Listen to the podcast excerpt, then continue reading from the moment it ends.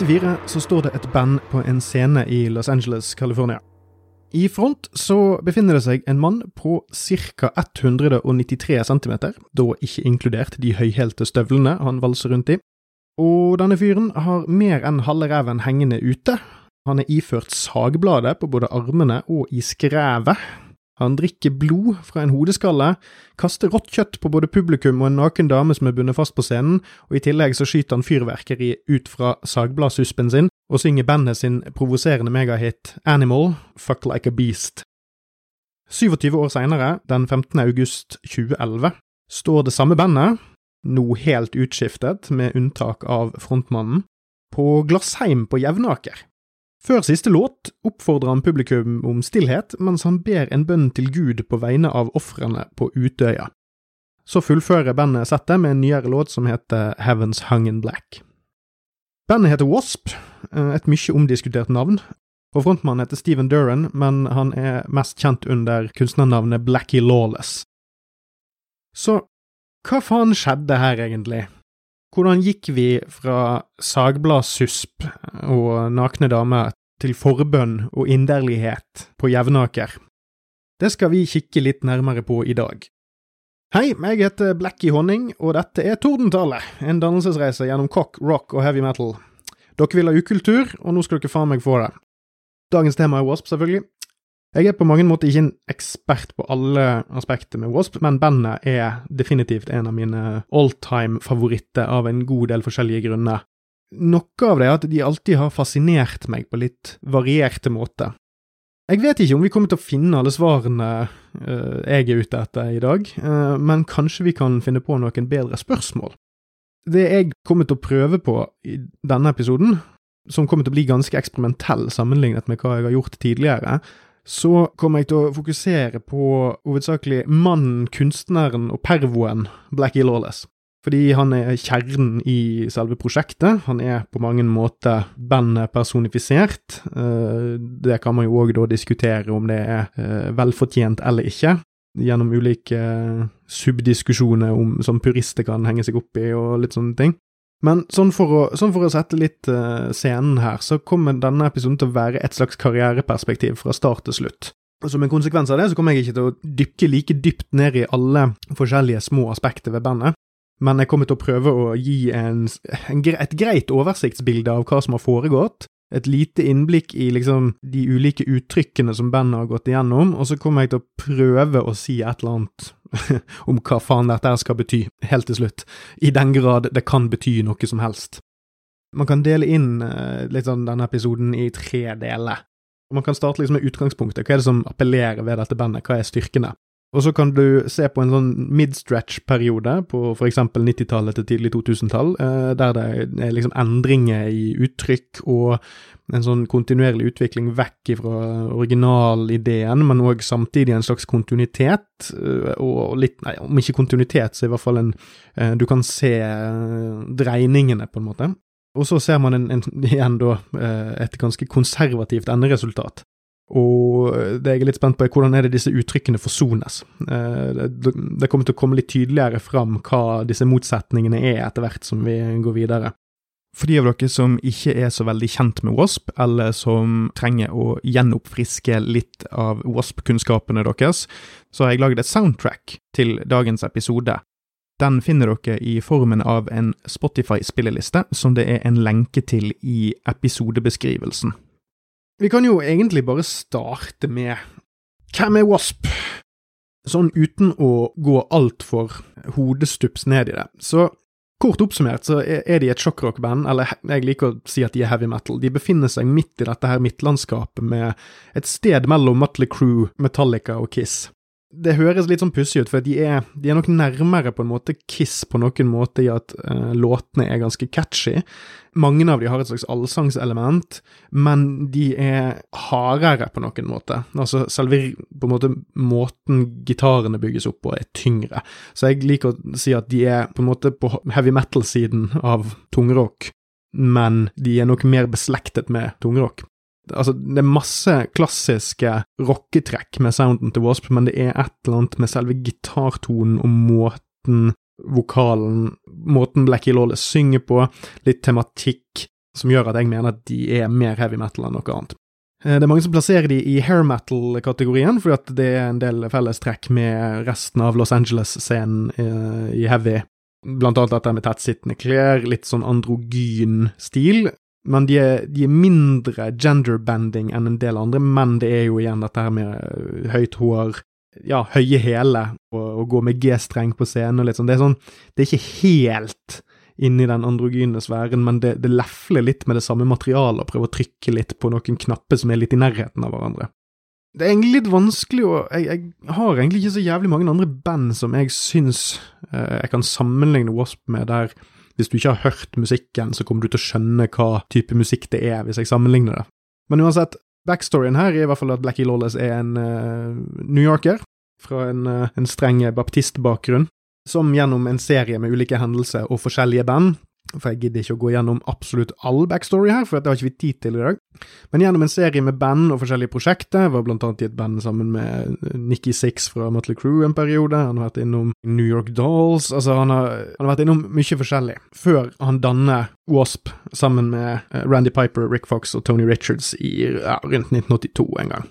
Og så er det ganske mange forskjellige lineup-endringer. Wasp er aldri egentlig et konkret band, uh, mens de som på en måte er med på uh, storhetstiden fra 1984 til 1989, det er Blackie Lawless og Randy Piper på gitar, og Blackie Lawless på bass, Randy Piper på gitar og Chris Holmes på um, lead-gitar.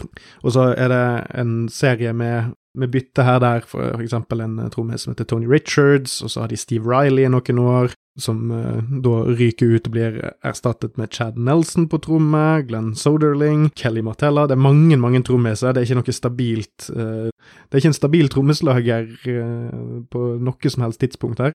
De to mest kjente lineupene er en variasjon av trommiser, uh, Blackie Lawless, Randy Piper og Chris Holmes, og så etter hvert blir Randy Piper byttet ut etter de to første studioalbumene og et livealbum og blir erstattet med Johnny Rod, eh, som da går step inn som bassist, og så Black, går Blackie Lawless over til å spille rytmegitar.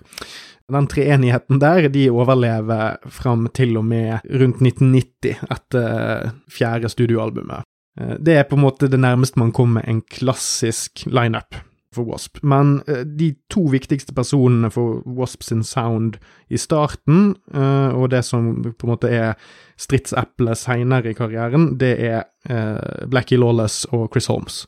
Som begge to har et ansvar for den helt unike sounden, men så er det dette spørsmålet med kreativ frihet der, hvem er det som har bidratt med det ene og det andre, og osv. Da har vi et grov, en grov oversikt her, da. Men jeg tenkte jeg skulle hovedsakelig fokusere på studioalbumene. Jeg kommer ikke til å trekke inn livealbumene med mindre det er et eller annet uh, som plutselig slår meg som relevant. Uh, men grunnen til det er at jeg tror at det kanskje er litt lettere for oss å, å snakke om, om Wasp når vi har helt konkrete kroker å henge det på. Uh, og jeg har òg tenkt litt gjennom det og kommet fram til at det, det finnes noen eraer av bandet, som kan, du kan dele inn ganske tydelig hvor de forskjellige albumene hører hjemme, og du kan trekke noen, noen linjer opp til Blackie Lawless sin utvikling som kunstner og som låtskriver, og ja, hans egen personlige reise, som er jo det jeg egentlig er mest fascinert av eh, i denne settingen her. Så jeg vil bare si til eventuelle Wasp-fans som snubler over denne episoden eh, i fremtiden, at all ære til Chris Holmes, han kommer til å dukke opp litt underveis, det er ikke det, eh, men det er liksom den, den, striden mellom han og Blackie Lawless er ikke noe jeg kommer til å orke å vie så mye tid til her, fordi at det igjen kommer til å trekke det ut i det vide og det breie. Så da tenker jeg vi kan egentlig bare starte med den første æraen, da, som da består av de tre første studioalbumene som kommer som perler på en snor mellom 1984 og 1986. Det er debutalbumet Wasp, oppfølgeralbumet The Last Command, og det er Inside The Electric Circus. Og det som, er, det som er litt typisk, er at her kan du på en måte se veldig tydelig gjennom de tre første, ikke bare albumcoverene, men òg Du kan se ganske tydelig via disse tre albumene, som kommer på ganske fort, eh, hvordan et konsept blir vannet ut og tynnet ut gjennom suksess, da. Første albumet, og nå skal jeg prøve å forholde meg til det som faktisk var det som var på albumet, jeg har en, uh, har en, reissue fra 1998 på CD her jeg holder foran meg, bare sånn for å liksom havne litt inn i sonen, og den kommer med noen ekstra tracks. Men den originale Wasp-platen er på en måte en, en hardere opprørsplate. Eh, som på sett og vis starter veldig kommersielt med en sang som heter I Wanna Be Somebody som egentlig bare er et, et stort rocke-anthem om å ikke være et null, som er noe som går igjen i veldig mange uh, ulike rock- og metal-settinger. Men det er, sånn, det er veldig mye på denne platen som er nesten us ganske uskyldig, som står litt i kontrast med det jeg beskrev i starten, med dette her uh, sinnssyke rått kjøtt og nakne dameshowet som de kjørte på scenen.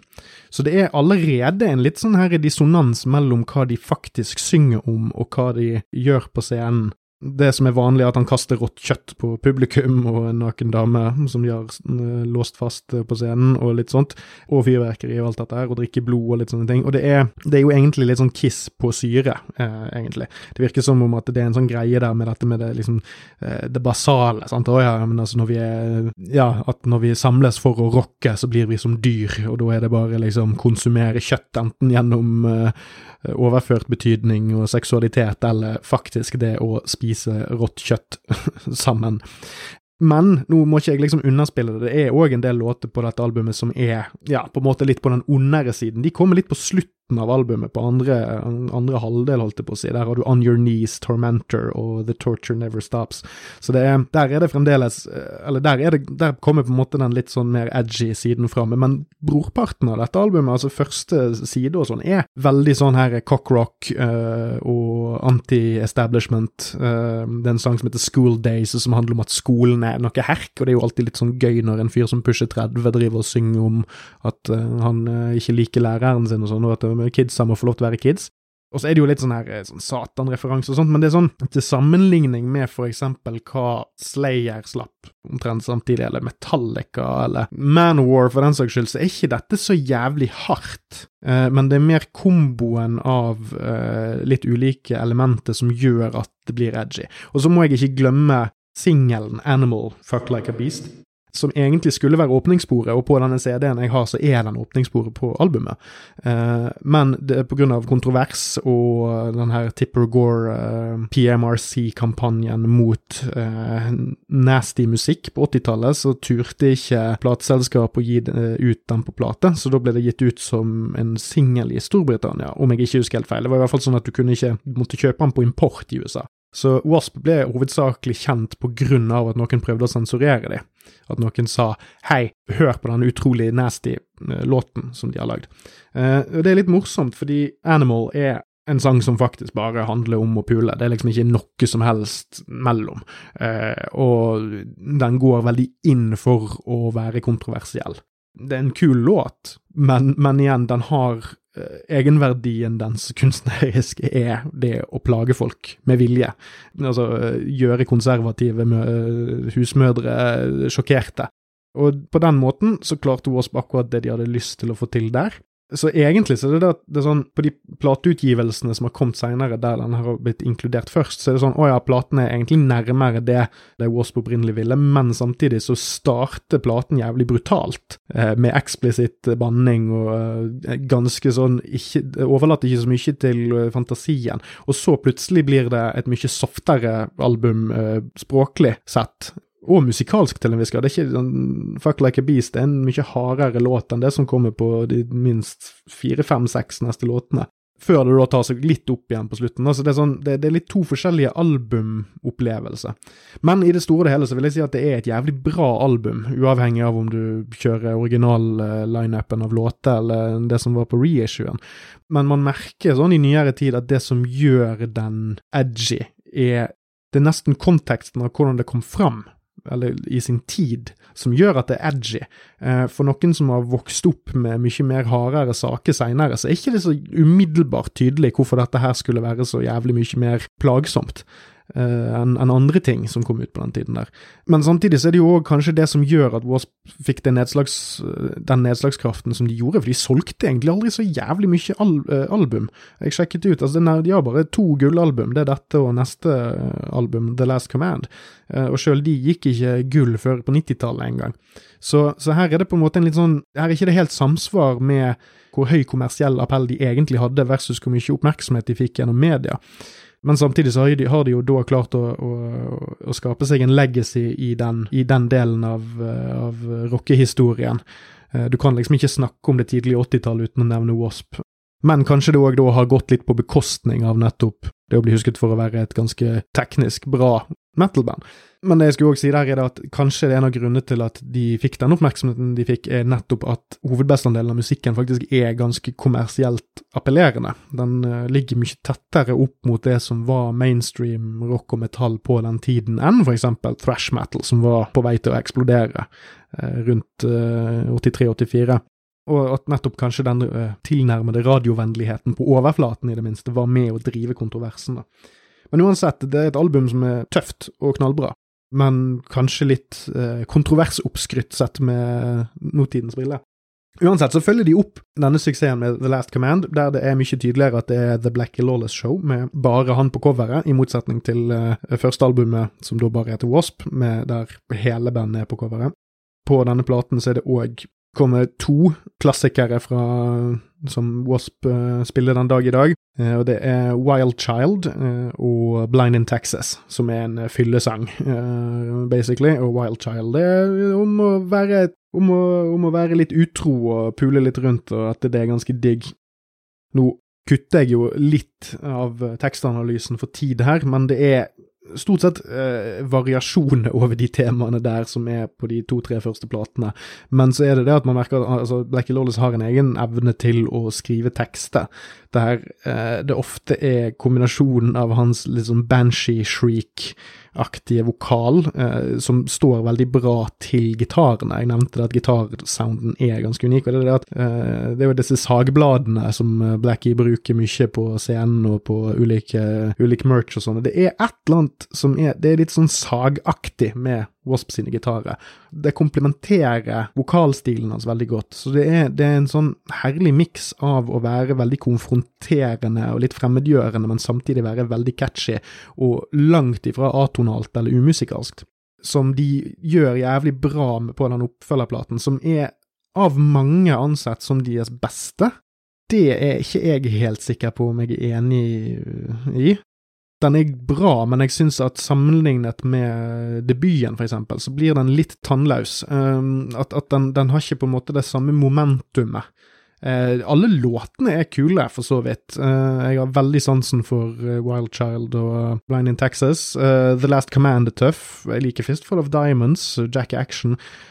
men den, den, har ikke, den har ikke et sånt momentum gående som er det jeg liker med å både se Wasp Live og de beste platene med dem. Det er at ting stopper opp litt. Men uansett, dette er en videreføring av det samme konseptet. sant? Altså Man har fremdeles en kommersiell undertone, men det er dette, denne eimen av, av å være opposisjonell i Lemmy-tradisjonen bare for å være altså meningsløst opprør. Eh, antiautoritært. Og dette her kulminerer jo da i 1986 med Inside the Electric Circus, som er Blackie Lawless sitt eh, minst likte album. Altså det albumet som hovedmannen sjøl eh, misliker aller mest. Og det kan jeg egentlig forstå litt, fordi at det som da skjer, er at uh, i løpet av disse tre årene så har da Wasp egentlig fått ganske mye oppmerksomhet og tjent godt med penger og sånt. Det er ikke nødvendigvis sånn at man trenger å være et gullselgende eller platinumselgende band for å tjene grovt på mye medieoppmerksomhet, gode konsertsalg, den typen ting. Så de var liksom på tampen hele tiden til å bli enda større enn det de endte opp med å bli. Og kanskje en liten stund der på slutten så var de nesten der at de kunne blitt noe enda mer enn det. Eh, men det som er tydelig på Inside the Electric Circus, er at, at her har den sjokkerende biten av bandet blitt filt veldig vekk. Det som er igjen nå, er det kommersielle. Eh, det ser du òg på um, utviklingen av sceneshowene deres. På denne turneen blir det litt mer rett og slett klovneshow. Det er litt mer sånn sirkuselementer i scenografien, og det er litt mer ting er litt mer polert. Du ser det på kostymene de har på seg òg, det er litt mer tydeligere farge. Det er ikke så det er ikke så mye blod og hønsefjær lenger. Når det er sagt, så er det en helt kurant rock metal-plate. Softere enn de to første, dessverre, men det er fremdeles en god del elementer som er lyttbare igjen. Det er bare det at, som sagt, edgen er vekke. Men igjen, eh, jeg vil si at uh, tittelsporet er dritbra. Jeg liker spesielt godt Easy Living-coveret de spiller. altså De coveret Uriah Heaps and Easy Living. Det er en av de bedre coverene jeg har hørt av den. Eh, så hadde de òg en kul sang som heter Sweet Cheetah, som jeg alltid har hatt veldig sansen for. Og egentlig så vil jeg si at jeg, jeg går til dette albumet oftere enn jeg går til The Last Command. Eh, kanskje nettopp fordi det har mer momentum. Eh, jeg vil faktisk, det, det, er en dårligere plate enn The Last Command, men den er på en måte litt enklere og på en måte, altså den, den gir deg litt billigere opplevelse, litt kjappere. Det er forskjellen på en Altså sånn, Det er mer tiltak å gå på en pizzarestaurant enn det er å, å, å kjøpe en Grandiosa på butikken. Sant? Men man spiser gjerne oftere Grandiosa enn man går på pizzarestaurant, med mindre man er en sånn der eh, kuk som alltid driver og legger ut bilder av pizzaene de spiser på pizzarestaurant. Um, dere vet hvem dere er. Men uansett, altså sånn her, her, har vi på en måte slutten av den første æraen, eh, som er, da er sjokkrock og mainstream-suksess-æraen. Blackie Lawless har sjøl beskrevet denne perioden som at når han var ferdig her, så når han var ferdig med tredjeplaten her, så var han utbrent, og han var eh, ja, disillusioned. Altså, han hadde, han hadde, på en måte Nå hadde han smakt på suksess og blitt utbrent, og, og, hadde liksom ikke så mye mer å gi. Så da blir det et opphold på noen år mellom studioplatene her. Der Blackie Lawless rekalibrerer litt hva det er eh, han vil gjøre med dette prosjektet. Og litt internstridigheter, selvfølgelig, med, med Chris Holmes, uh, lead-gitaristen. Og det leder oss over da til den neste seksjonen, uh, som jeg liker å kalle politikk, kunstnerisk dreining og enmannsshow, um, som da er de tre neste studioplatene The Headless Children fra 1989, The Crimson Idol fra 1992 og Still Not Black Enough uh, fra 1995. Det som skjer på Headless Children i 89, at de har hatt Det går pluss-minus tre år mellom studioplatene. Det dreper jo selvfølgelig litt momentum for bandet. De gir jo ut noen live-greier, altså de, de, holder seg aktivitet, det er ikke det, men det er Der dør momentumet litt, på en måte. Når det er sagt, så er det en real kule å fyre av når du har vært vekke noen år. For her, her er det første eksempelet på det andre eh, store momentet i Wasp sin katalog. Det er det første elementet er liksom sjokkrock, cockrock, eh, synging om puling og opposisjon. Men her, på dette albumet her, så kommer det helt eksplisitte politiske uttalelser, om enn eh, forkledd gjennom eh, ja, klassisk sånn eh, Jeg har lyst til å være kontroversiell og ha politiske meninger, men jeg kommer til å kamuflere det for å ikke signalisere akkurat eh, hvor jeg allierer meg politisk. Eh, forsvarsmetoden som veldig mange kunstnere, og spesielt musikere, gjemmer seg bak. Eh, så dette albumet det er et veldig kult albumcover. Det er veldig mye det er en sånn fotokollasj. Eh, viser når eh, Lee Harvey Oswald blir drept. Eh, Ku Klux Klan er der. Eh, Hitler. Altså det er, og Stalin. Og, og, folk som følger disse her. Så det er jo selvfølgelig en Å oh ja, The Headless Children. det er dette med, her, her ser vi liksom et bilde på sånn massesuggesjon av det der. Å drive og manipulere massene. Eh, komme inn eh, som en som et element i låtskrivingen til Blackie Lawless, og det kommer til å fortsette å være en stor del av hans uh, kreative sfære uh, seinere i, uh, i, karrieren. Her er det helt eksplisitte politiske uttalelser gjennom The Headless Children, Thunderhead til en viss grad, The Lost Child, Neutron Bomber Altså, om ikke det er, altså, ikke det liksom er bokstavelig, så ligger det innbakt i teksten. Og som jeg sa, det er òg det at du, du, kan på en måte lese litt inn det du vil i det, men det er, her merker du at det er her, dette er et mye mer seriøst album. Veldig seriøst. Men det som gjør det så jævlig bra, er at i motsetning til Inside the Electric Circus, så bryter ikke dette så drastisk med det Wasp tidligere gjorde fordi at det, det, på en måte tar det antiautoritære eh, og liksom det opposisjonelle, og så putter det inn litt mer eh, modning i det. da, På en måte fått hevet seg litt og gitt noen nye uttrykk. Sånn at istedenfor at det er sånn 'Å, jeg vil være nok'-tematikken på første albumet, og eh, læreren er teit', så er det nå 'pass på hvem du følger'. Pass på ikke bare være en i en Ikke bare være et hodeløst medlem av flokken, ikke bare være et hodeløst barn veldig bunnsolid uh, album. Det er to låter som er litt mer old school uh, Wasp-aktig, og det er Mean Man, som er en sang Blackie skrev om Chris Holmes, som bare er en partylåt om å være uansvarlig, og så er det Rebel in the FTG. Uh, men som sagt, jeg, når det kommer til reinventions, så er dette her et veldig godt utgangspunkt. Uh, og det er faktisk favorittalbumet mitt av de. Jeg syns liksom det er det albumet som på en måte representere de beste sidene med tidlig Wasp, og så har det lite av det som skal bli Det har veldig lite av det som, som kommer med seinere Wasp, som er litt mer sånn uh, egosentrisk og kvasireligiøst. Ikke at det ikke er interessant, men det er ikke det som tiltrekker meg først med Wasp. Her er det liksom best of both worlds, og det er dritbra produsert, det er dritbra spilt, det er atmosfærisk, det er hardt. Som da fører meg over på det som kanskje er det mest kjente albumet, eh, som er et konseptalbum fra 1992, The Crimson Idol. Og denne platen har blitt snakket i hjel. Uh, det jeg syns litt trist, er at jeg syns at den har blitt snakket i hjel uimotsagt. Uh, nå skal jeg være en fyr som banner litt i kirken, men jeg syns at dette albumet er litt kjedelig. Og, og la meg forklare. Wasp hadde på en måte gått litt i oppløsning etter Headless Children, eh, og Blackie Lawless hadde tenkt å lage et eh, soloalbum, men av kommersiell appell og litt sånt, så endte han opp med å slippe dette soloalbumet under Wasp-monikeren. Og her da starter vi Her går Wasp fra å være et band til å være et enmannsshow. Eh, Blackie Lawless har vært veldig styrende fra starten av og kontrollert veldig mye, men nå er det ingen andre enn han som styrer det. Det er studiomusikere som spiller med han, og, og det høres òg fordi det er veldig godt spilt, uh, men det har ikke den samme Det er veldig kontrollert. Det som var veldig tøft med Chris Holmes, er at man visste egentlig aldri helt hvor det gikk med soloene. Man har mistet den farlige rå nerven. Nå er ting mye mer kalkulert, og det kommer det til å mer eller mindre være hele veien herfra ut, med noen unntak. Og saken er at, og nå, nå kommer vi litt tilbake til hvorfor, nå skal jeg forklare hvorfor jeg syns Crimson Idol er kjedelig det er det at det er, veld, det er, en veldig kul plate når det kommer til konkrete låter. Jeg syns at Chains of Charlie er dritbra, Titanic Overture er kul, Invisible Boy er kul, Dr. Rocker er kul, det er masse tøft her. Men det er et konseptalbum, altså det er Uh, noe som Blackie Lawless altså Det er delvis selvbiografisk. Sant? så Det handler om en, en, en, gutt som har blitt mishandlet av sin far og uh, vokser opp til å bli en, en rockestjerne etter at han har blitt uh, spådd i fremtiden sin av en sigøyner han treffer på gaten. Han går gjennom narkoforbruk, folk henger seg på han for å utnytte han. Sant? Altså det, det, er denne klassiske greien som du hører absolutt alle rockestjerner sutre og klage over.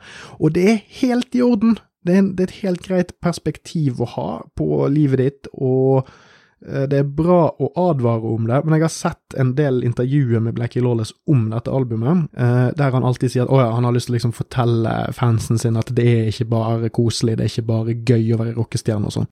Eh, ja, det er greit, det. Uh, men dette er da, uh, spoilers, en, en, sang om en uh, fyr som ender opp med å dø fordi at han, Et eller annet. Altså, det, det, er sånn Storyen er og blir ekstremt tentamen på ungdomsskolen-materiale.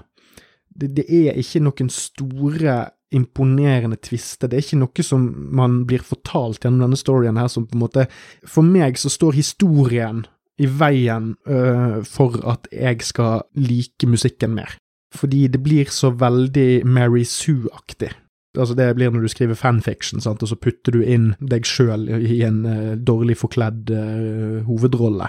Uh, og det, det, er sånn denne, dette albumet føles for meg når jeg hører på storyen og sånn. Hvis jeg skrur litt av storyen og bare hører enkeltlåter, så er det drittøft. Det er et jævlig bra produsert album. Det er sonisk nydelig det er perfekt lydmessig, lydbilde, gitarspillet Det er litt repetitivt noen ganger. Wasp har en tendens til å repetere seg sjøl, noe som tiltar nå som Blackie Lawless er helt aleine med all den kreative visjonen.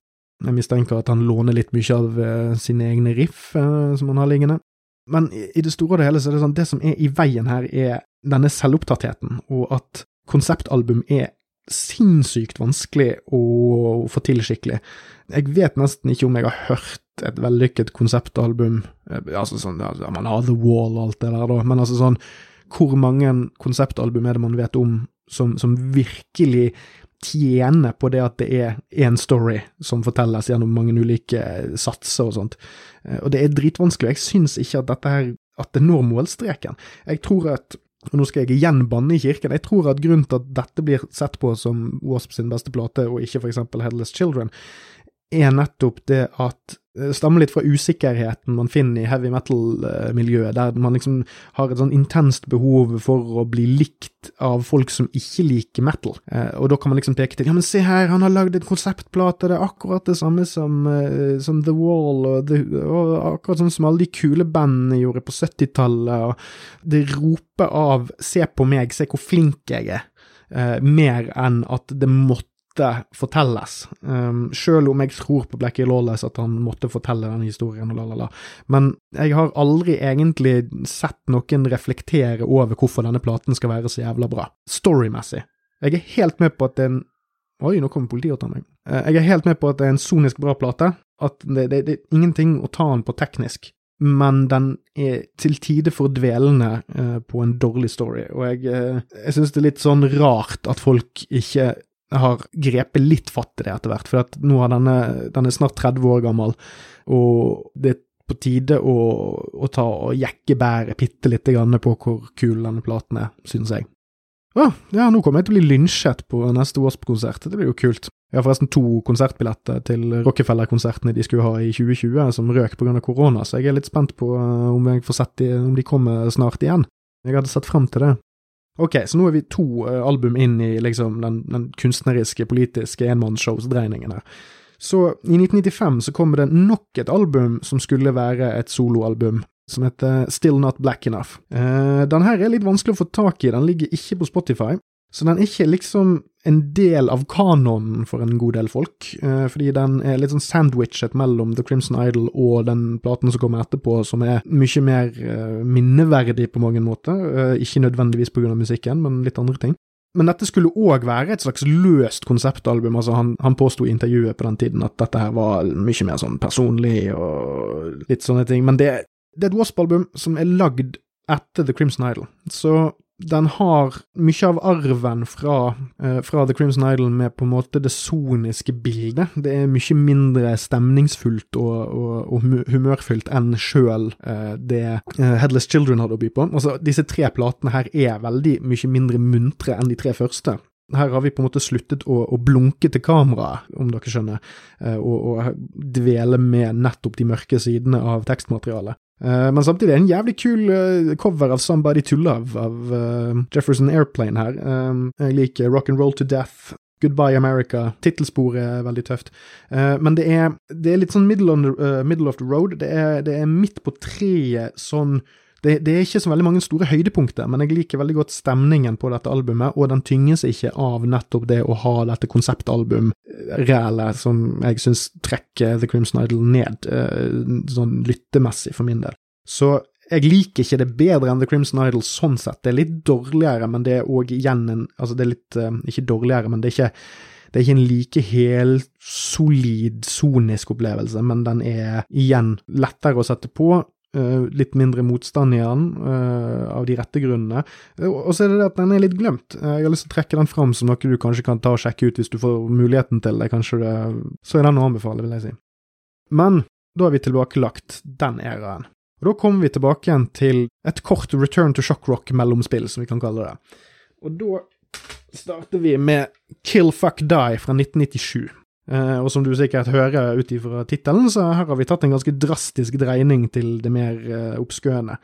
Uh, og det skjer av litt forskjellige grunner. Det ene er jo at 90-tallet har jo toget på, og egentlig så er det litt imponerende at Wasp ikke begynner å ta stilling til dette før så seint som 1997, men det, jeg lurer på om det òg er, hvis man ser litt stort på det, så er det vel omtrent da skriften sto på døren for ganske mange av 80-tallsbandene. Altså Grunchen hadde utradert hele 80-talls uh, puddelrock, uh, dinosaurbastionen, og nå liksom sånn 6-97 var liksom siste sjansen man hadde til å få gitt ut noe på en noenlunde ålreit uh, label, og uh, prøve å bevise at man var verdt å holde liv i, da. Det som er greien, er at Kill Fuck Die er et veldig klart svar til Marilyn Manson og uh, Nine Inch Nails uh, industrial metal og industrial rock, som dominerte enkelte deler av, av mainstreamen i siste halvdel av 90-tallet. Og det er jo òg litt det der at ja, altså Wasp kan ikke bli Pantera.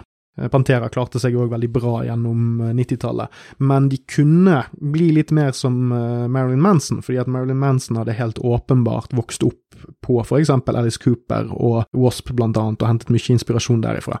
Så sceneshowet til Wasp på denne tiden her ble radikalt motbydelig, altså en slags sånn pervertert eh, versjon av 80-tallsshowet, der Blackie Lawless voldtok en nonne med kniv og dro ut et foster, og kvesset en, en kniv som var festet til skrittet på en, en sånn dreiestein på scenen, og ja, det var, det var på en måte en slags sånn, et intenst forsøk på å være dagsaktuelle, og igjen uten egentlig å gi et veldig klart inntrykk av hvorfor. Altså, hvorfor i alle dager man skal Altså, hva, hva er det dette har med Altså, dette sceneshowet, hva er det dette sceneshowet har med musikken å gjøre?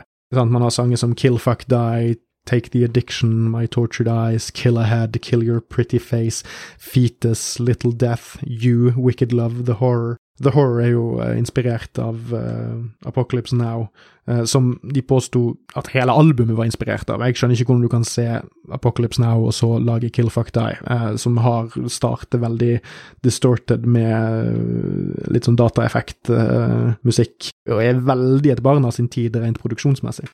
Når det er sagt, så syns jeg at albumet er, om ikke undervurdert, så er det verdt en lytt, fordi at under dette skriket etter å bli relevant igjen, så er det fremdeles et Wasp-album. Det er bare det at nå har de gått enda dypere ned i miseren, men samtidig tatt tilbake igjen denne sjokkerende biten. Så det, det som mangler nå, kontra på 80-tallet, altså nå som i 1997, er at nå er ikke blodet og gørret ment å være morsomt lenger. Nå er det ment at det skal ha en eller annen slags betydning, eh, men så kommer det aldri helt klart fram hva den betydningen skal være. Eh, men at Blackie eh, har nå begynt å assosiere sceneshowet en viss grad inn mot musikken, i større grad enn tidligere. En annen ting er at uh, nå er Chris Holmes tilbake, så det er sånn, denne turneen er på en måte en slags sånn herre Å, nå skal vi vise kidsa hva Wasp er for noe. Uh, at vi kan gjøre dette bedre enn disse ungjyplingene som er populære nå. Og det fikk de til til en viss grad. Altså, når uh, Wasp skulle spille i Bergen i sånn 2006, så var det faktisk noen som prøvde å få stoppet showet fordi at de trodde at de kom til å kjøre det samme sceneshowet som i 97. Uh, og på det tidspunktet så hadde de omtrent ikke noe sceneshow. De hadde et veldig tungt mikrofonstativ. De fikk enormt mye oppmerksomhet for dette, og det kan hende at det er litt vanskelig å si, altså i hvert fall relativt til hva Wasp var vant til på den tiden. Da. En del MTV-dekning i Europa og sånn. Men uh, man kan jo spørre seg om dette var positivt eller negativt i lengden, for at det de har blitt belemret med hele karrieren, er nettopp denne, dette sjokkrock-elementet som de nå i dag ikke gjør så mye ut av, egentlig. Men igjen, det er en plate som er verdt å sjekke ut for de som Den er heller ikke på Spotify, så det er òg en sånn Det gjør at jeg har lyst til å trekke det fram. Altså de, det som ikke blir eh, til folk nå for tiden, er det litt viktig å holde i live med andre metoder. Så ta og sjekk ut Kill Factor. Jeg syns den er verdt nok en krone hvis du er nødt til å kjøpe den brukt, eller whatever. Jeg er litt usikker på hvor du finner den. Men så har du da eh, del to i dette comeback-forsøket. For det, de, det, som er så artig, er at de går da fra Kill Fuck Die, som er sånn blodseriøst, 1997, og så lager de et album som heter Heldorado i 1999. Eh, som på en måte er det minst seriøse Wasp-albumet noensinne. Og med det så mener jeg at her på en måte lager Wasp et album som er det folk trodde de lagde i 1984. Hør på disse titlene her. De har en sang som heter Cocaine Cowboys, det er en sang som heter Saturday Night Cockfight, Dirty Balls, eh, det er en sang som heter Don't Cry, Just Suck. Wasp har lagd én sang tidligere i karrieren som er så grafisk som, som, disse låtene her er, og det er Animal. Så her har de på en måte gått rett fra den her At de sakte, men sikkert fra Headless Children og til og med Kill Fuck Die, de hadde strippet vekk absolutt alt av denne her eh, glimt i øyet, ha-ha, vi tøyser litt grann aspektet, og så har de nå tatt en 180-graders dreining, og så har de lagd et album som er nesten en slags parodi på hvordan folk halvveis husker at 80-tallsmaterialet deres er. Som er unektelig fascinerende. Uh, dette var ikke noe sånn stor hit for dem, men det er på en måte starten Det er på en måte en slags Altså, det, det, det dette mellomspillet er. Dette comeback-forsøket ja, det, det, her, her, prøver Blackie Lawless to vidt forskjellige ting. Først med Kill Fuck Die, og så Heldorado. Disse to slår hverandre litt i hjel. Jeg tror han ender opp med å se at nå, nå klarer jeg ikke Jeg kan ikke spille på alt for, Jeg kan ikke spille altfor hardt på denne misæren, altså det, det er sånn skitne, perverterte grumset i menneskeheten, men jeg kan heller ikke spille utelukkende på cockrock og, og kødding.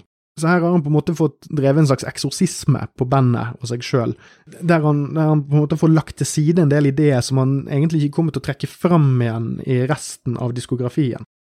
Og så kommer vi da til politikk og kunstnerisk dreining del to, eh, som da er tre, kanskje fire album. Eh, og det er Unholy Terror fra 2001, Dying for the World i 2002, og så The Neon God Part 1 og The Neon God Part 2, som begge ble sluppet i 2004. Unholy Terror er angivelig det siste studioalbumet som Chris Holmes var med på. Det er visstnok ikke sant. Eh, han påstår at han bare er oppført som at han spiller, men han spilte ikke egentlig. Dette er et av mine favorittalbum av Wasp, eh, mest fordi at her finner de den beste delen av det som blir eh, det 21. århundre-formen deres. Det er på en måte anerkjennelsen av at ja, vi må ha rockesanger, så det er et par kule rockelåter som uh, Let It uh, Roar og Hate To Love Me, uh, Wasted White Boys, men så er det kommet tilbake igjen en slags sånn, noe av det politiske og noe av det, ja, elementene fra The Headless Children hentes fram igjen. Men samtidig så blir det da en slags fusion med og en slags start på det som kommer til å bli den religiøse dreiningen som musikken kommer til å ta. Altså, albumet har altså det, det er to låter, Unholy Terror og Charisma er på en måte en sånn todelt uh, title track her, som er jævlig god. Kanskje en av de aller beste låtene Wasp har lagd.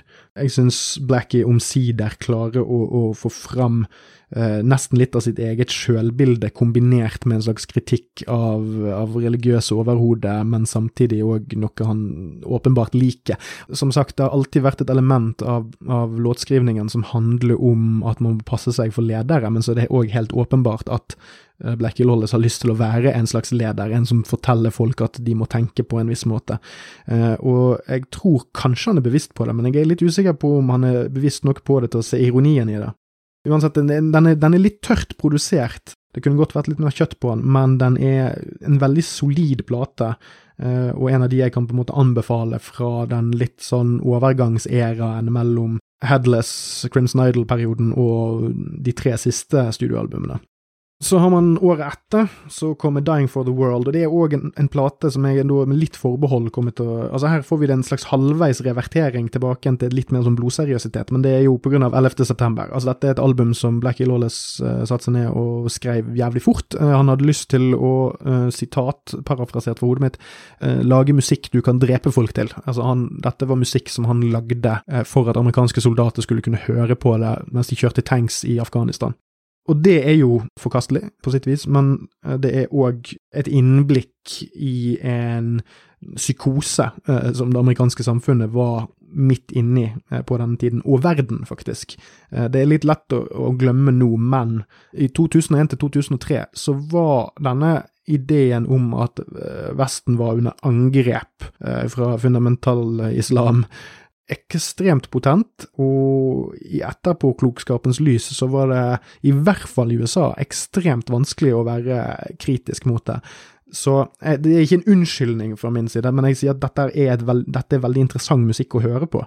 Den gir en følelse av ondskap som er ganske godt gjort fra et band som har lagd såpass mange album og er såpass upopulære. Altså, de var ikke populære i 2002, uh, i hvert fall ikke i USA. Så det, er så det er noe litt sånn unikt med å lage et såpass steinhardt pro-Amerika-album, når du òg da samtidig er et band som gjør det best i Europa, eh, og, og, Russland til en viss grad. Men her er det jævlig mange rå låter. Det er Shadowman, Revengeance, uh, Stone Cold Killer, uh, Hallowed Ground. Den er verdt en lytt, altså. Det er, det er, et mørke her som spiller inn i denne religiøse dreiningen som man allerede ser på Unholy Terror. Eh, grunnen til at jeg ikke Jeg vil ikke kalle den, dette segmentet for nødvendigvis religiøst, fordi at her jeg mener at på Unholy Terror og Dying for the World så er fremdeles religiøsiteten en del av noe annet. Altså, det er eh, det er, det er, alltid noen andre enn Blackie sjøl eller Wasp sjøl som, som, som, det advares mot, på en måte. Altså, det er ikke det, det, er ikke, det, er ikke, prekende for, for, en konkret tro, eller et konkret verdenssyn som er satt ut i klartekst. Her er det en reaksjon mot organisert religion, for eksempel. Og så, som på en måte, Dette skal jeg bare behandle under ett. Det er to album. men det er egentlig ett album. Det er The Neon God, part 1 og part 2. The Rise og The Demise, eh, og det er kort fortalt en remake av The Crimson Idol. Det er ikke det, men det er et tidlig 2000-talls konseptalbum som handler om en ung gutt som ble mishandlet som barn, eh, og så viser det seg at han kan kontrollere eh, andre mennesker når han blir stor, så han blir på en måte et slags Crimson Idol? Nei, nei, nei, han blir en neon god. Sant? For det var jo litt et tema med The Crimson Idol, sant? altså denne, denne rockestjernen som står på scenen, men er helt alene. Sant? Samme greien her, det, det, det er repeterende. Veldig kult platecover, by the way. Det er en sånn rød og blå juxtaposition, så de er egentlig helt like coveret, men med bare litt forskjellig farge. Litt sånn stilig. Og musikken er kul, for så vidt. Altså, det er ikke, det er ikke dårlig musikk.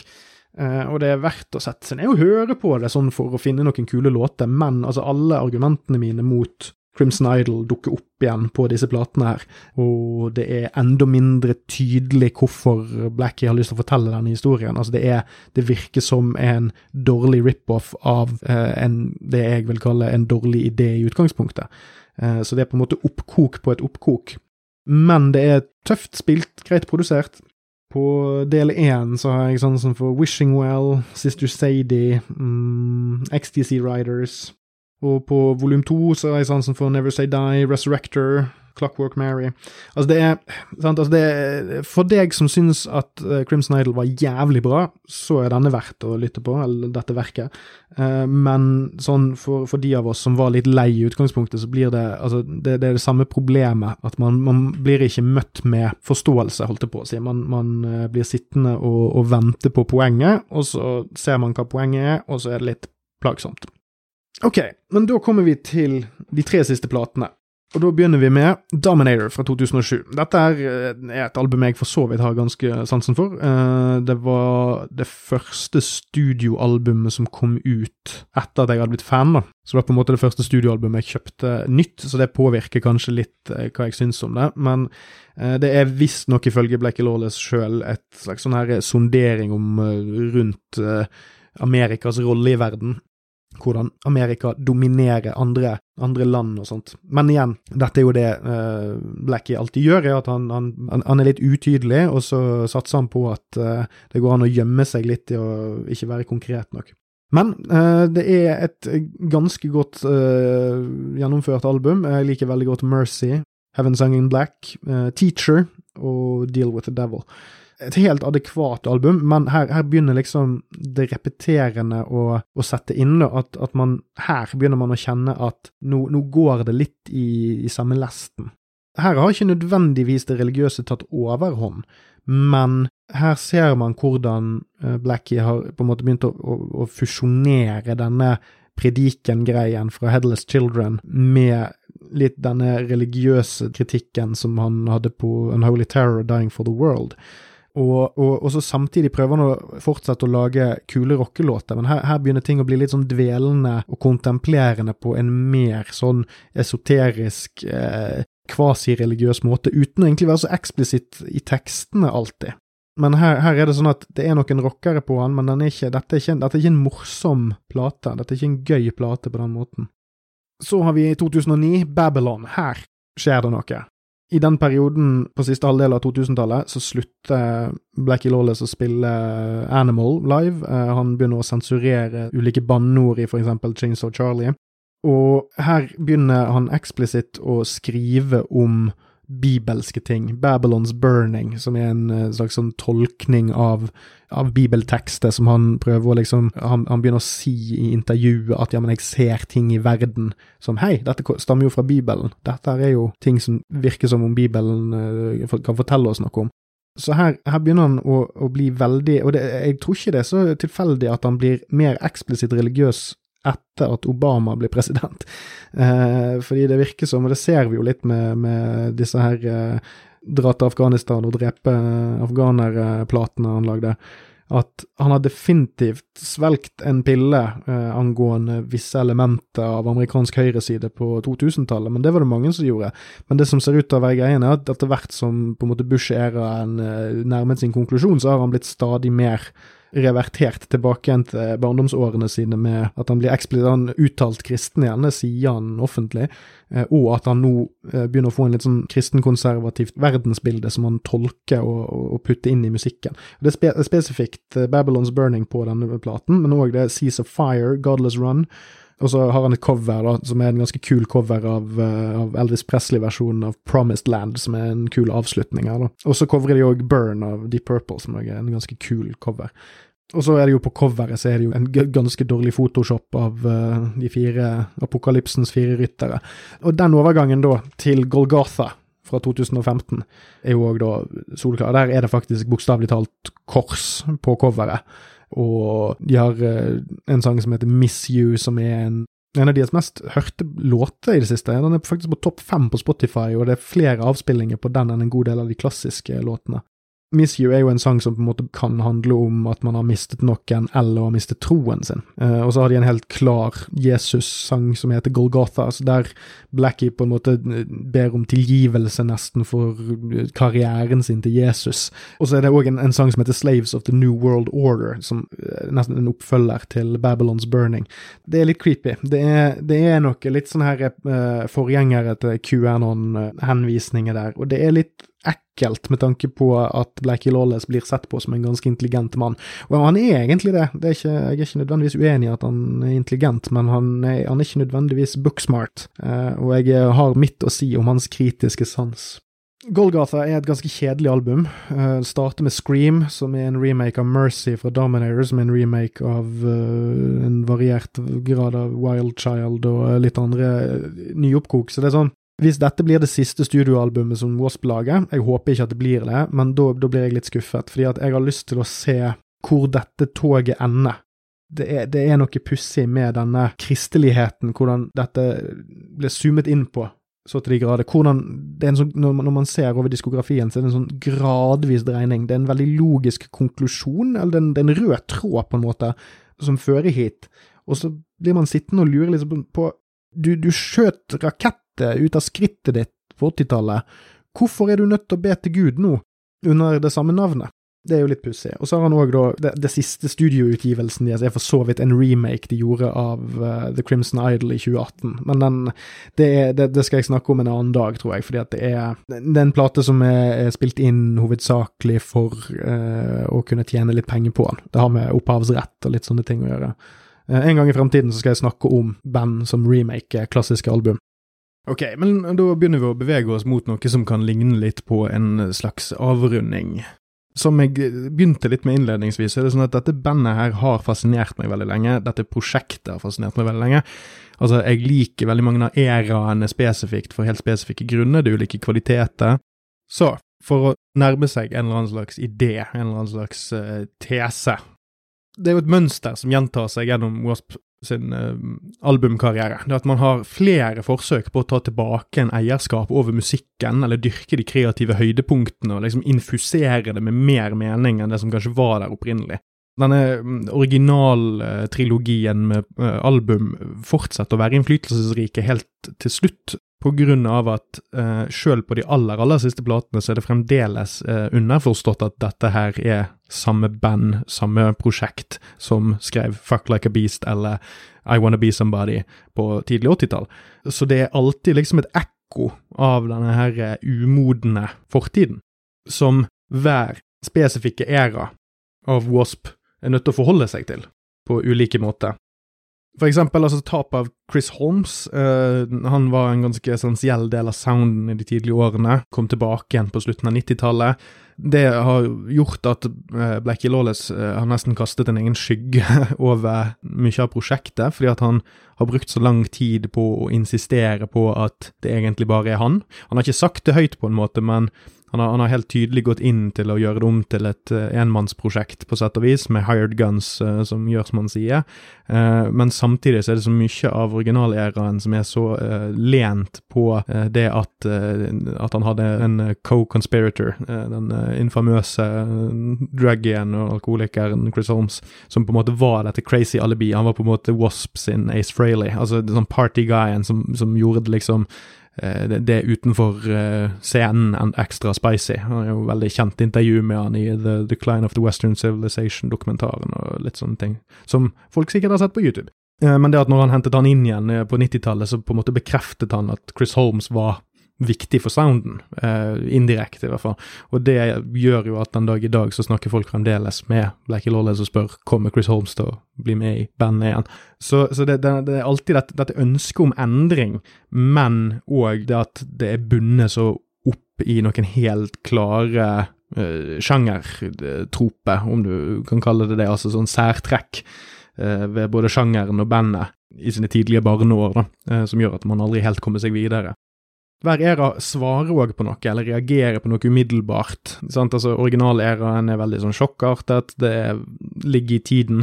Eh, den neste æraen er mye mer kontemplerende, litt introspektiv, men òg litt sånn analyserende av omverdenen. Det er ikke helt tilfeldig at det oppstår omtrent sånn på høyden av, av puddelrocken, men òg gradvis litt over i eh, grunge-æraen spesielt Crimson Idol og, eh, og, eh, Still Not Black Enough er ganske gode reorienteringer fra et hair metal-band. Når det kommer til det å på en måte svare på kritikken som grunchen, eh, om ikke eksplisitt kom med, men som, var, som uttrykksform, hadde et kritisk blikk mot eh, liksom partyrocken som den eh, drepte. Det ble jo ikke oversatt nødvendigvis i popularitet og albumsalg, men som sånn når det gjelder kunstnerisk integritet, så eh, er det definitivt en, eh, noe som har tålt tidens tann.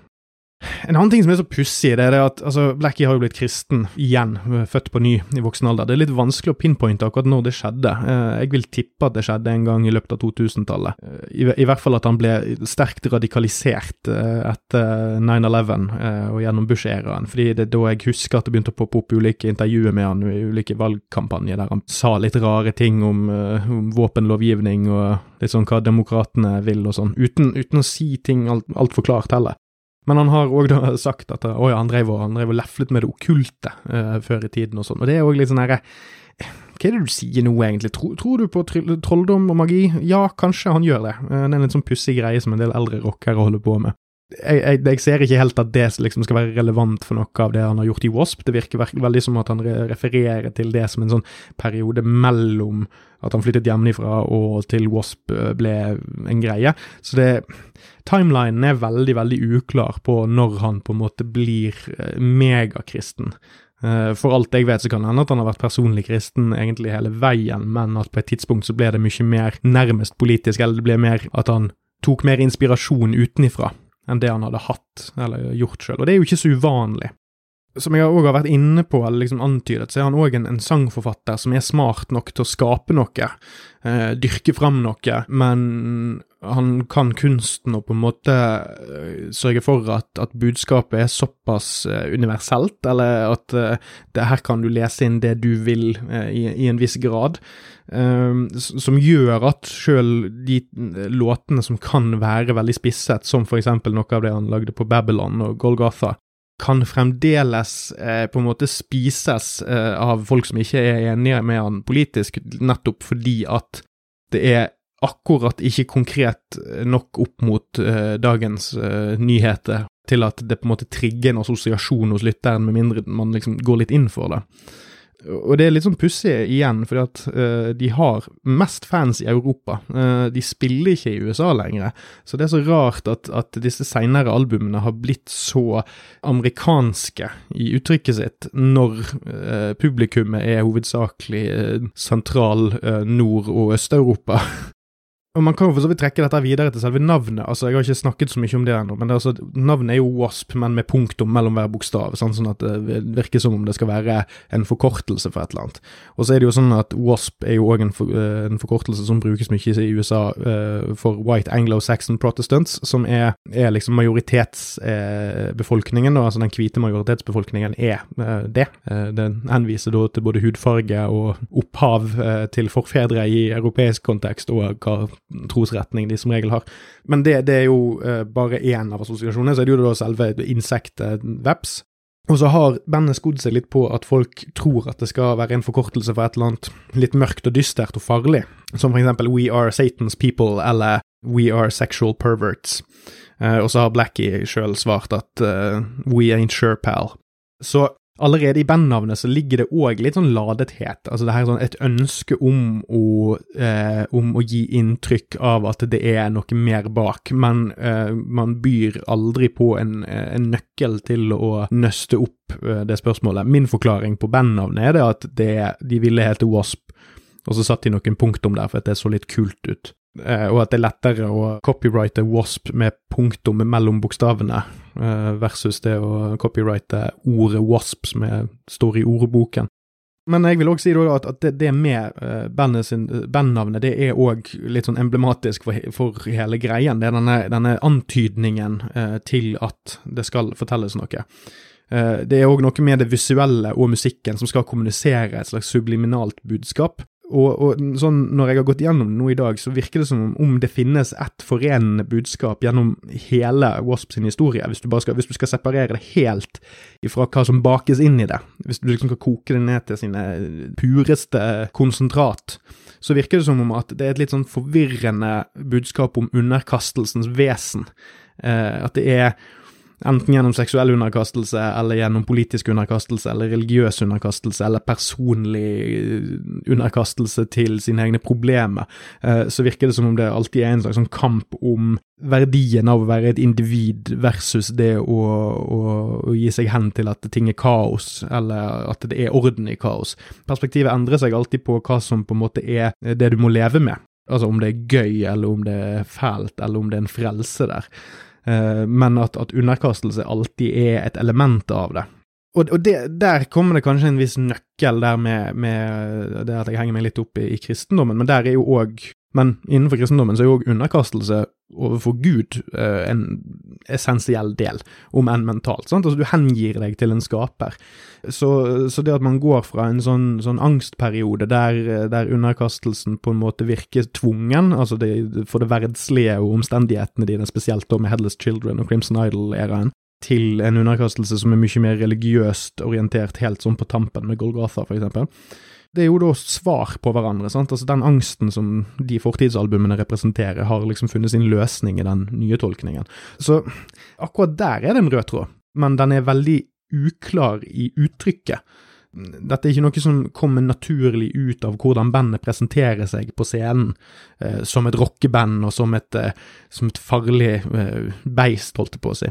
Og mange rockeartister, og da hovedsakelig boomere, altså de som er født på sånn 40- og 50-tallet, men òg litt sånn eldre Gen X-ere, har jo vokst opp med illusjonen om den amerikanske gullalderen. Så det å gjøre opprør mot den konformiteten når de er unge, det henger på greip, for da gjør de opprør mot en slags sånn sosial innrettethet som ikke nødvendigvis bare er, eh, er godartet, holdt jeg på å si, men grunnen til at de kanskje vender tilbake igjen til liksom sine kristne røtter når de blir eldre, er det at det er en sånn desillusjon med hva det meningsløse opprøret skulle føre med seg. Eh, at alle lever gjennom en rebelsk ungdomstid for å slå seg med til ro, men eh, nesten alle, i hvert fall. Men for rockeartister så er den reverseringen veldig, til sånn erkekonservatisme litt vanskelig å forene med, altså veldig vanskelig å forene med outputen tidligere i karrieren. Og for veldig mange fans så blir det vanskelig å svelle når uh, en artist blir kristen.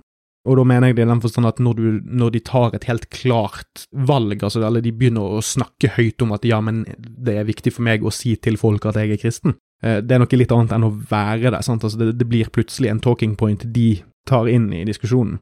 Jeg holder ikke eksempel Blackie sin uh, religion mot han, men det er nettopp den, den, dreiningen til å begynne å snakke så mye høyt om det, som er så rar. Alice Cooper er et moteksempel. altså Han er en fyr som kan innrømme i intervjuet at han er kristen, men det er så tydelig i hans uh, kunst at Alice Cooper, figuren, er en rolle han gestalter, uh, og, og, det er et sceneshow, og det det er en helt konkret fantasiverden som er, er veldig inspirert av gammel skrekk gamle skrekkfilmer og, og, og, liksom sånn, sånn leking med en litt sånn barnlig eh, halloween-stemning som, som, han klarer å separere helt ifra sin religiøsitet, eh, og at han er sånn her gammelmanns republikaner. Eh, Dave Mustaine i Megadeth klarer det ikke. altså Han, han, han innbaker sin born again-het i, i albumene han lager, og i, i uttalelsene han har. Altså det, og det, Der dukker det jo òg opp da, uh, mye dissonans, men han, fall, han har alltid vært en veldig dissonant mann. Han klarer ikke å være spesielt konsekvent i noe av det han gjør. Jeg tror ikke jeg vet om noen som snur på en femøring like fort som Dave Mustaine. I, I Wasp og Blackie Lawless sitt tilfelle, altså han er jo fremdeles kjent som Blackie Lawless. Han har ikke revertert tilbake til å kalle seg Steven Duran han kaller seg Blackie Lawless. Uh, der er det jo et eh, element av uh, rebelskhet som beholdes. Og Han har prøvd å forene liksom, den sjokkartede fortiden med den sånn frelste nåtiden, og det whiplashet er så mye mer distraherende enn i noen av de andre tilfellene jeg kommer på. Altså, som nevnt, faren til Blackie var en streng fundamentalistisk baptist. Noen kilder refererer til han som prest. Og Blackie sjøl har tidligere vært glad i liksom å, å, dyrke usikkerheten rundt sitt eget opphav og gjøre ting så diffust som mulig. Før så dyrket han eh, Altså var Blackie Lawless figuren, en sånn seksuell pervo som representerte bandet sin mystikk, og det var sånn her eh, Vi er her for å rive hodet av høns og pule brutalt og spille rock. Det var liksom greien. Nå deler de ut eh, Altså nå er gitarplekterne har bibelvers på.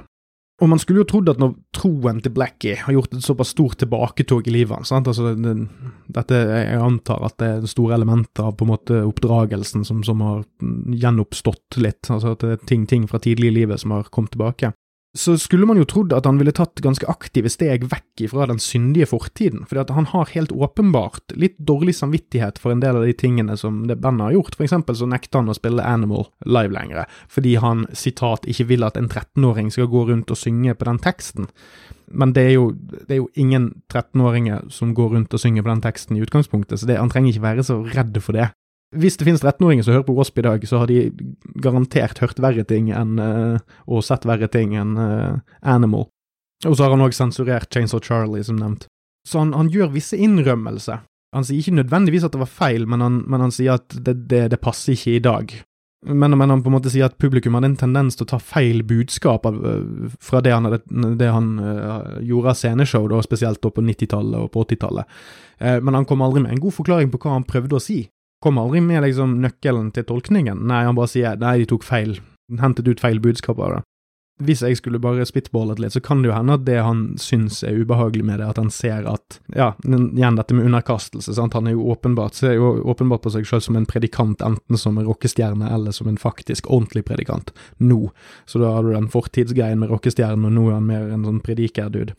Uh, men kanskje han har sett et ubehag uh, på de tidligere sceneopptredenene sine, for der kanskje nettopp dette, dette med å liksom spille opp denne her tilbedelses-, underkastelses- uh, Eh, effekten som er mellom fans og, og idolene deres, eh, kanskje har vært litt ubehagelig for han i etterpåklokskapens lys. da. Så istedenfor å ta avstand, så innlemmer han fortiden i nåtiden, og insisterer på at det henger sammen, og det er noe jeg sliter veldig med å akseptere, bortsett fra på et da, litt sånn veldig sublimt, eh, eller veldig vel, ikke sublimt, men altså veldig, veldig løs rød tråd som ligger langt bak det, det som er tydelig på overflaten. Og når det er sagt, Hvorfor fortsetter han å gå i trikot og mokasinstøvler og med 80-tallsparykk eh, den dag i dag, når både passformen hans fysisk og psykisk og budskapet og årtiendets forandringer eh, skulle tilsvart en endring? Og Ingen bodyshaming for min del, men det er veldig rart å se en over 60 år gammel mann kle seg som det er 1989. Stå og tøffe seg på scenen og de få tingene han sier er litt sånne her eh, korte rockestjernesetninger, bortsett fra når han leder folk i bønn eller synger en rolig sang om at han savner Jesus. Eh, det, det, er sånn Hva er det du sier her? Hva er det du vil si? Men jeg er, jeg er, takknemlig for at Wasp fortsatte å lage ny musikk såpass konsekvent og såpass lenge som de gjorde. Det var ganske taktfaste eh, studio-releases fram til 2009. Eh, den siste kom ut i 2015, og jeg sitter fremdeles og venter på neste albumet. Og Jeg er òg veldig takknemlig for at de har turnert så mye som de har gjort. Jeg har sett de minst sju ganger uten engang prøve. Og de har fremdeles den dag i dag et jævlig bra liveshow, uh, til tross for en del backing tapes og at de spiller litt korte konserter. Så er det et veldig tight liveband uh, som klarer å levere ganske representativ livemusikk. Sånn av, avslutningsvis, som for å oppsummere oppsummeringen, så er fascinasjonen med, med, bandet er og blir at som med Blackie Lawless sjøl, så sliter det med kognitiv dissonans. De vil sjokkere, men være konservative. Det vil være farlig, men det vil gi trygghet, og så vil det være umodent, men så vil det samtidig være voksent. Og denne mannen har vist oss at han endrer seg over tid, og at han har et ønske om å endre seg over tid, men han verken beviser det utad gjennom image eh, og, og, måten bandet presenterer seg på, eller innad, og da mener jeg da med at de fortsetter å spille sanger som On Your Knees, I Wanna Be Somebody, eh, de gamle låtene som de er kjent for. Han befinner seg i limbo. Eh, han er i skjærsilden mellom anerkjennelse og beryktelse. Han har et ønske om å bli anerkjent, et ønske om å bli sett på som en seriøs eh, samfunnsdebattant, mer eller mindre, eller kunstner som har noe hardt å si, altså være en slags sånn her eh, sjokkrockens Bob Dylan. Men samtidig eh, sliter han med at hele fundamentet er bygd på en sang som handler om å knulle som et dyr. Og Samtidig så har han òg hatt den evnen med at han er den Han har lenge vært uh, den største fisken i en bitte liten dam. Uh, altså være en, en noenlunde velformulert fyr i uh, hair metal-miljøet. Som da har gjort at fansen og pressen, altså rockepressen som fremdeles dekker band av Wasp sitt kaliber, som ikke er så ekstremt relevante den dag i dag, men likevel, de fortsetter jo å turnere og sånn. Altså Fansen og denne pressen har på en måte fått det for seg at Blackie Lawless er en veldig smart fyr og at derfor, eh, ipso facto, så er alt han har å si, eh, gjennomtenkt og profound på et eller annet slags vis.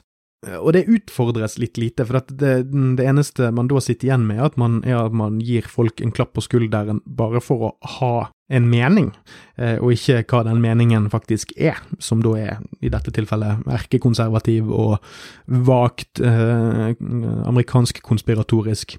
Så det, den skjærsilden der tror jeg ikke Blackie Lawless kommer til å komme seg ut av uh, i nyere tid, men uh, det går fortsatt an å like produktet. Denne dissonansen, denne skjærsilden, gjør på mange måter Wasp mye mer levende og relevant for meg uh, som musikkelsker, nettopp på grunn av at det er noe der, og den konflikten gjør kunstprosjektet mer interessant. Men så kan det jo da hende at Wasp-toget har ankommet endestasjonen, at hvis det hadde kommet et nytt eh, studioalbum nå, så hadde det bare vært enda mer av Golgotha og Wasp. Eh, men så har det samtidig skjedd altså Vi har vært hele eh, Trump-administrasjonen har jo spilt ut mellom Golgotha og i dag. Og i dag så jeg kunne virkelig tenkt meg å sett sånn Sett hva QAnon har gjort med hjernen til Blackie i mellomtiden her. Jeg, jeg, har lyst på et nytt album, men det kan godt hende altså hvis, hvis det stopper her, så har det vært en tilfredsstillende reise likevel. Så uh, takk for i dag. Skyt en rakett ut av skrittet, drikk litt blod, les noen bibelvers, og legg inn et godt ord uh, for meg til han der oppe, eller han der nede. Så uh, snakkes vi om en ukes tid. Så fuck off.